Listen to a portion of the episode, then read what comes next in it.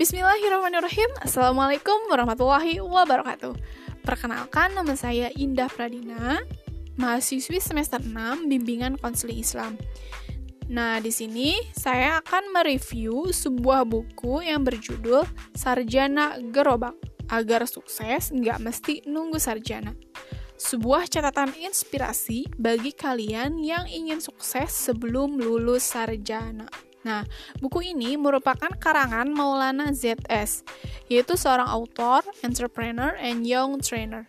Nah, dalam buku ini yaitu terdiri dari 8 bab Nah, bab pertama yaitu berbicara tentang semester 1, merangkai peta nasib. Ada beberapa cara agar kita bisa merangkai peta nasib. Yang pertama yaitu kita harus belajar mengenali diri. Ada pepatah yang dikatakan oleh Socrates, pertama kali dalam hidup yang harus kau cari adalah kenalilah dirimu. Kemudian yang kedua yaitu belajar dari kegagalan tanamkan dalam diri kita bahwa saya pasti bisa, saya pasti mampu, dan tidak ada yang sulit. Kemudian yang ketiga yaitu jatuh dan bangkit kembali. Kita harus mengenali diri kita sendiri, bakat apa yang kita miliki, dan percaya diri dengan bakat apa yang kita miliki. Kemudian yang keempat yaitu hidup bagaikan peta harta karun. Kenapa peta harta karun? Seperti yang kita tahu, bahwa dalam peta harta karun ada banyak sekali jalan yang bisa kita tempuh untuk memperoleh harta karun. Namun, kita harus teguh terhadap satu jalan yang kita ambil dan kita harus yakin bahwa kita pasti bisa. Ada juga pepatah yang dikatakan oleh pengarang yaitu rencanakanlah impian besarmu sekarang. Jika tidak, bersiaplah masa depanmu direncanakan orang lain.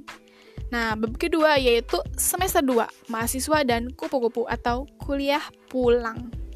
Poin yang pertama yaitu kenali maksud dan tujuan. Kita harus mengenali passion kita apa, talent kita apa, motivasi kita apa, dan nilai-nilai kepribadian kita, kita itu seperti apa.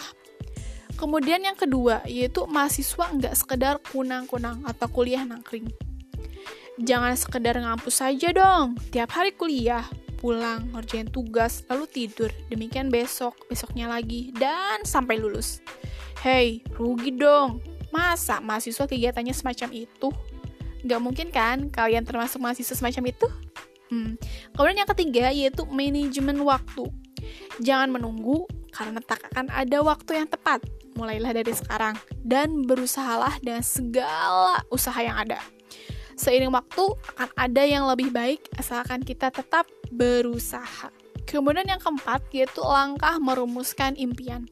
Yang pertama kita harus menentukan visi yang jelas, jangan mimpi di siang bolong dan mulailah dari sekarang. Mulai dengan belajar, buat rencana, bertindak dan jangan berhenti. Kemudian bab 3, semester 3. Dari mana uang saku yang kamu dapat? Tentu saja kebanyakan dari orang tua, ya kan? Nah, bayangkan jika kamu menguras keringat mereka, merepotkan mereka, malu dong. Dan sampai kapan kita akan terus-terusan meminta uang saku dari orang tua? Gak mungkin kan sampai lulus kita terus-terusan mengandalkan uang saku yang kita dapat dari orang tua?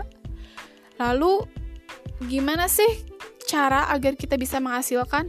Ya, tentu saja kita harus memulainya dari sekarang, hilangkan rasa gengsi, jangan berhenti dan kejar terus dan yang pasti kita harus yakin. Kemudian semester 4, pandai melihat peluang.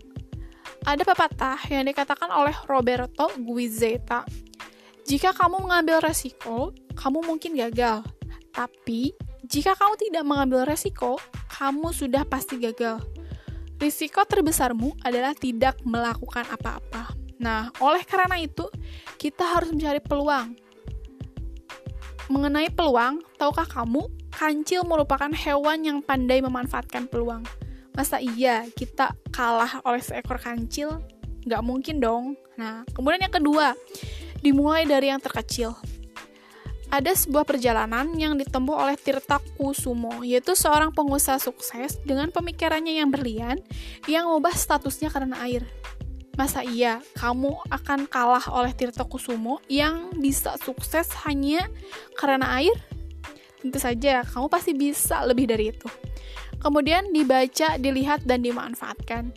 ide dari cita-cita, tekanan, harus gaul dan tentu saja kita harus juga uh, rajin membaca.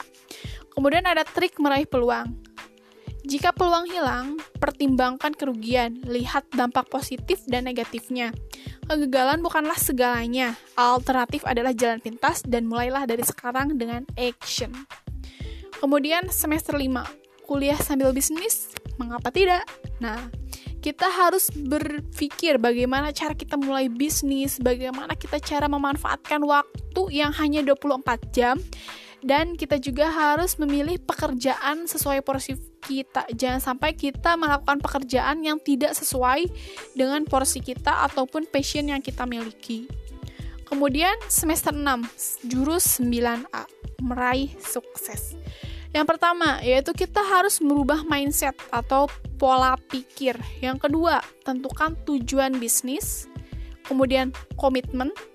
Yang keempat, kenali kelebihan diri kita kemudian mencuri peluang, pertahankan usahamu, kembangkan usahamu, membuat SOP dan dirikan cabang jika usahamu telah sukses. Kemudian semester 7, kuliah selesai, sukses di depan mata. Nah, jangan bengong aja ketika kita lulus kuliah, tapi kita masih bingung, kita mau ngapain setelah lulus kuliah. Gak mungkin kan bengong aja. Nah, kita harus tahu bagaimana rasanya jadi sarjana, senang, deg-degan, ataupun bingung. Kita harus jadi perompak zaman. Ubahlah kebiasaan-kebiasaan burukmu. Kebiasaan buruk itulah yang menghambat perjalanan dalam petualanganmu. Nah, saatnya melangkah. Mulailah dengan melangkah. Jika cita-citamu digantungkan setinggi bintang di langit, gapailah dengan melangkah. Kemudian sukses di depan mata.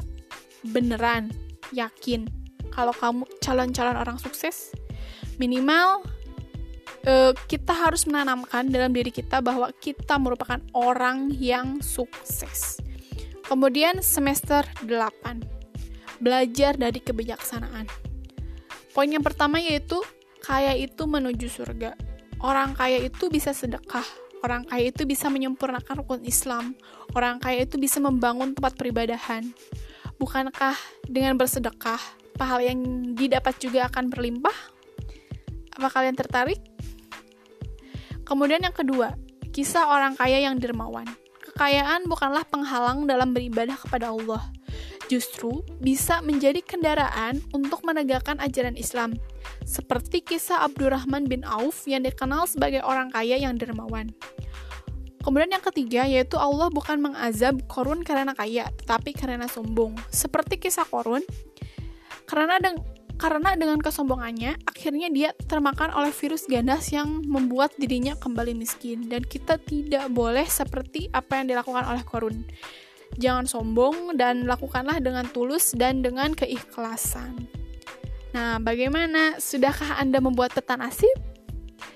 Apakah kalian masih bisa meminta uang dari saku orang tua? Atau mungkin kalian termasuk mahasiswa kupu-kupu? Atau kalian sudah menyadari bahwa peluang ada di sekitar kalian? Sesungguhnya, Allah tidak akan mengubah nasib suatu kaum kecuali kaum itu sendiri yang mengubah apa yang ada dalam diri mereka. Quran Surat Ar-Rod ayat 11 Maka dari itu, action, bergeraklah, melangkahlah, bergegaslah, segera dan jangan tunggu waktumu. Selamat mencoba!